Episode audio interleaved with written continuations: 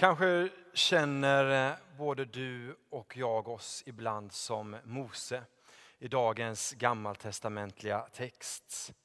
Gud, sänd någon annan. Jag pallar inte, jag klarar det inte. Men Gud ger sig inte. För folket i fångenskap behövde Moses som befriare och Gud visste det.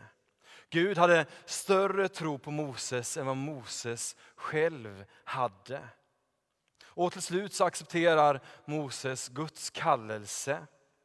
Men Gud går honom också till mötes och sänder en medkompanjon, en medhjälpare, en vän.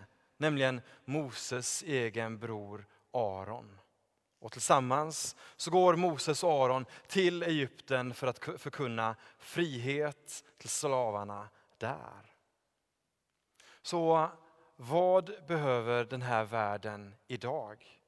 Till vilka sänder Gud dig och mig, oss som församling, för att förkunna frihet? Och vem har du vid din sida, så som Moses hade Aron när de gick på befrielsens uppdrag? Moses blir inte sänd för att han kan någonting. Han kan någonting för att han är sänd. Och den här världen behöver att du och jag låter oss sändas ut som Guds kärleksambassadörer. Vid flyktingvågen 2015 så lät jag en eritreansk kille flytta in i mitt vardagsrum. Han bodde där i ett och ett halvt år. En liten handling för världen, en stor handling för honom. Den här världen behöver dig och mig. Den här världen behöver oss som församling. Den här världen behöver befrielse och att vi går befrielsens tjänst. För några år sedan så läste jag en bok som berörde mig djupt. Kärlek som befriar. Är det någon som läst den? Kan det rekommenderas. Året är 1850. Platsen är Kalifornien. Angel såldes till prostitution redan som åttaåring. Och livet lär henne svek, smärta och skam. Men så träffar hon Michael Hosea. Han vill visa henne äkta kärlek, att alla inte sviker, att hon har ett värde. Men det visar sig svårt för henne att ta in detta. Och genom boken så får vi följa dramatiken som utspelar sig. Hur hon tidigare var hård på insidan, önskade att hon ville dö, men hur allting förändras.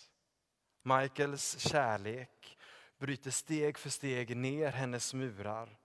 Och boken är i själva verket en skildring av hur mycket Gud älskar oss var och en en skildring om hur dina och mina sår kan läkas och hur brustna människor kan upprättas av Guds omsorg. Kärlek som befriar är brutal, stark och känslosam bok. Den handlar om frihet och om universums starkaste kraft, kärleken. Och denna kraft får vi också smaka på i dagens texter. I evangeliet får vi möta en person som var både döv och stum. En grupp människor leder honom till Jesus.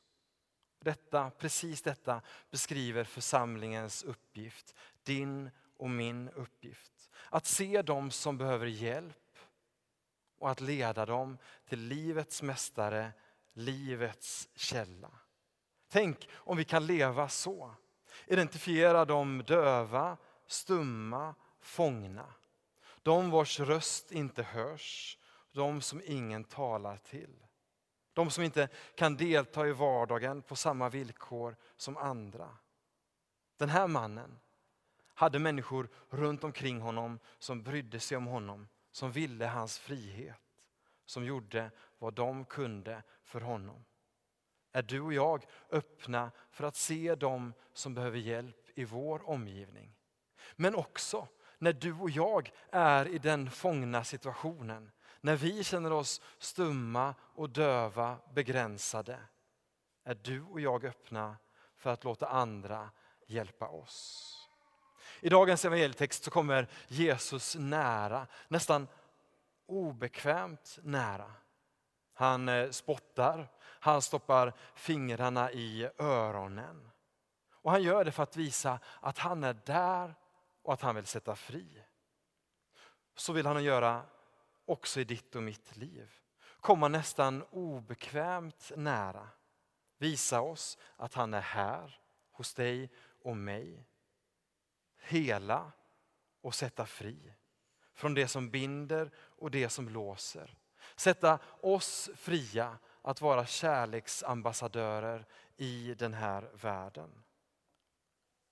Samtidigt, det svåra med kärlek är inte bara att Jesus kommer obekvämt nära, utan att kärleken i sig själv är obekväm. Det är obekvämt att klimatanpassa sitt liv när man känner för att åka på långa resor och köpa spännande prylar. Det är obekvämt att avstå från inköp för att någon annan behöver de pengarna bättre. Det är obekvämt att älska för att det gör oss sårbara.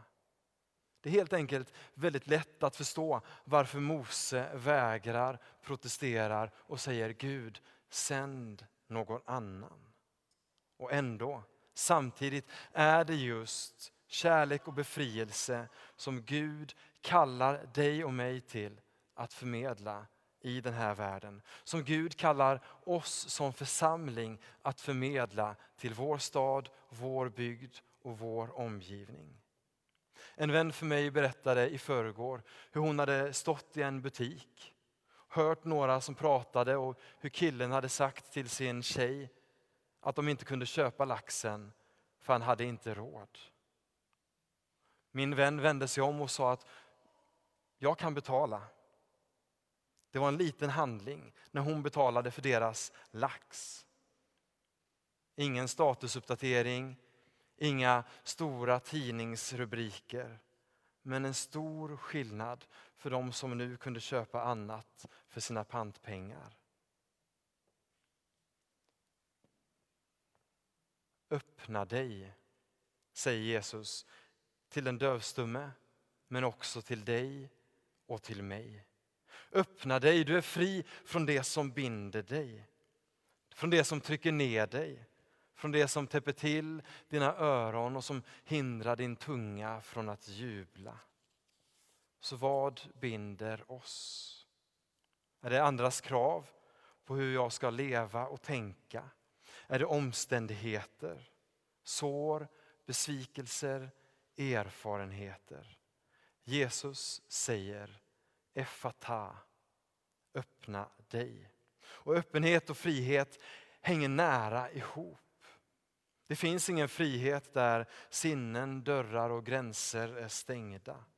Det finns ingen frihet där vi håller så hårt vid vårt eget att vi inte längre kan ta emot något från andra. Frihet och öppenhet förutsätter varandra. Så hur ser mitt liv ut? Är jag öppen för Guds handlande i mitt liv? Är jag öppen för när Jesus säger Effata, öppna dig till mig? Är jag öppen för en ny blick på tillvaron? Igår så läste jag ett fantastiskt inlägg på Instagram. En sjuårig tjej som hade skrivit så här. Det var upplagt på Sveriges roligaste barn. Hon skrev, idag ska vi åka till Legoland hela dagen. Och då ska vi åka den största berg och dalbanan som finns. Och då kommer förmodligen mormor att dö tyvärr. Tack och lov så överlevde mormor. För berg och dalbanor dödar inte. Visst, de kan vara lite skrämmande. Friheten kan vara skrämmande. När Jesus kommer obekvämt nära så kan det vara lite skrämmande. Men framförallt får det oss att bli och känna oss levande. Verklig frihet är att leva i en fri kanal av kärlek från Gud till oss själva och vidare till våra medmänniskor. En kanal där vi varken stoppar Guds kärlek innan den når oss eller stoppar den innan den når fram till våra medmänniskor. Gud vill frihet. Gud vill frihet för vår värld, för dig och för mig. Och det är vår uppgift som enskilda troende men också som Fässbergs församling. Att för egen del ta emot friheten och ge den vidare till vår värld.